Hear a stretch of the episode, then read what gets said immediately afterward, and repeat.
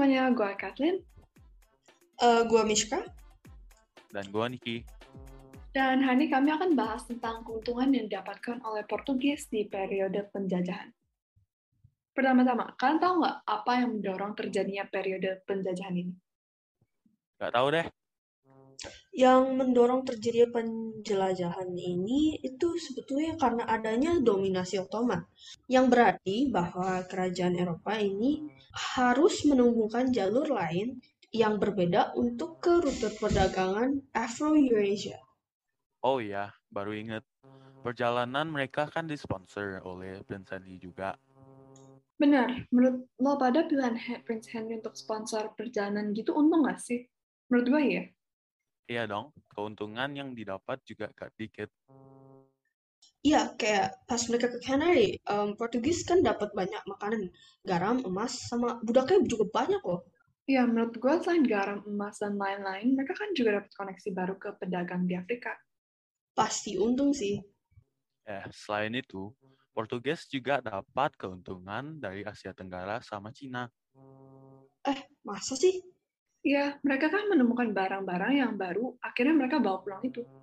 Barang apa aja coba? Kain katun, porselen, teh, dan juga rempah-rempah. Kan mulai dari abad ke-17, Portugis emang udah mulai mengimpor porselen sama rempah-rempah ke Eropa. Ya, artinya keuntungan yang didapat tuh bukan dikit doang. Artinya banyak banget keuntungannya. Pasti, apalagi untung dari rempah-rempah. Rempah-rempah kan fungsinya banyak, jadi orang di Eropa pasti banyak belinya. Emangnya rempah-rempah fungsinya buat apa sih? Kayak gue cuma tahu kalau rempah-rempah tuh untuk penyedap rasa atau makanan. Rempah-rempah kan juga bisa digunakan untuk jadi pengawet makanan.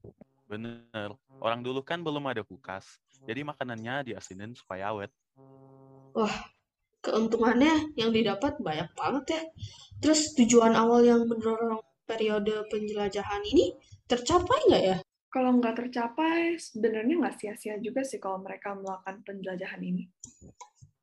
Tercapai kok tujuannya. Vasco da Gama akhirnya ketemu satu jalur laut ke Asia. Dia juga penjelajah Eropa, terutama yang sampai ke India. Hmm, bagus deh. Kalau gini pasti bikin penjel penjelajah lain gampang untuk pergi ke Asia ke, ke depannya. Eh iya deh, periode penjajahan ini kan juga ada untungnya buat penjelajah lain ya. Dari penjajahan ini kan banyak teknologi baru yang dikembangin. Iyalah, Portugis juga lebih gampang melakukan penjelajahan karena adanya teknologi ginian. Contohnya, kayak karavel gitu kan ya, kalau nggak salah. And kapal itu kan bantu penjelajah Portugis berpindah dari satu tempat ke tempat yang lain, yang mungkin lumayan jauh. Iya bener, karavel sama teknologi lain membantu banget. Eh, emang ada teknologi apa lagi yang bantu penjajahan Portugis selain karavel? Oh ada dong, kan ada astrolabs, quadrants, and compass. Iya, barang gitu dipakai untuk menentuin lokasi pas lagi menjelajah biar penjelajahannya nggak nyasar. Untung yang dapat oleh Portugis lewat adanya teknologi ini banyak juga ya. Iya, semua keuntungannya yang membantu dan didapat oleh Portugis membuat periode penjelajahan membuahkan hasil yang banyak juga ya. Iya benar. Oke, untuk merumuskan podcast ini, bangsa Portugis kan mendapatkan banyak sekali keuntungan. Mulai dari barang-barang sampai dengan rute perjalanan yang baru. Oke, okay, to wrap this up, gue Kathleen. Gue Mishka. Thank you for listening to our podcast. See you next time.